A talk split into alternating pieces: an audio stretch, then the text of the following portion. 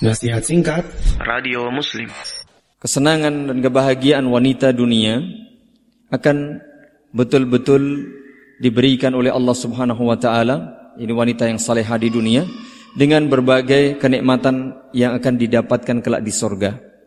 Dan jangan khawatir bahwa kenikmatan itu ya tidak dibeda-bedakan oleh Allah Subhanahu wa taala. Meskipun tentu saja sebagaimana ketika di dunia wanita ya wanita, besok tidak akan menjadi laki-laki.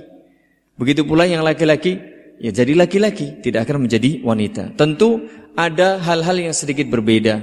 Karena begitulah Allah ciptakan laki dan perempuan berbeda. Tetapi dari sisi kenikmatan, jangan khawatir. Dari sisi pahala, jangan khawatir. Allah tidak akan menzalimi ya, setiap hambanya sedikit pun. Itu yang harus kita yakini. Oleh karena itu, ya hendaknya kita betul-betul yakin bahwa setiap orang yang beriman, laki-laki maupun perempuan, kalau dia mengerjakan amal soleh, Allah pasti beri kehidupan yang baik di dunia dan Allah kasih balasan yang lebih baik daripada amal yang dahulu pernah ia kerjakan di dunia.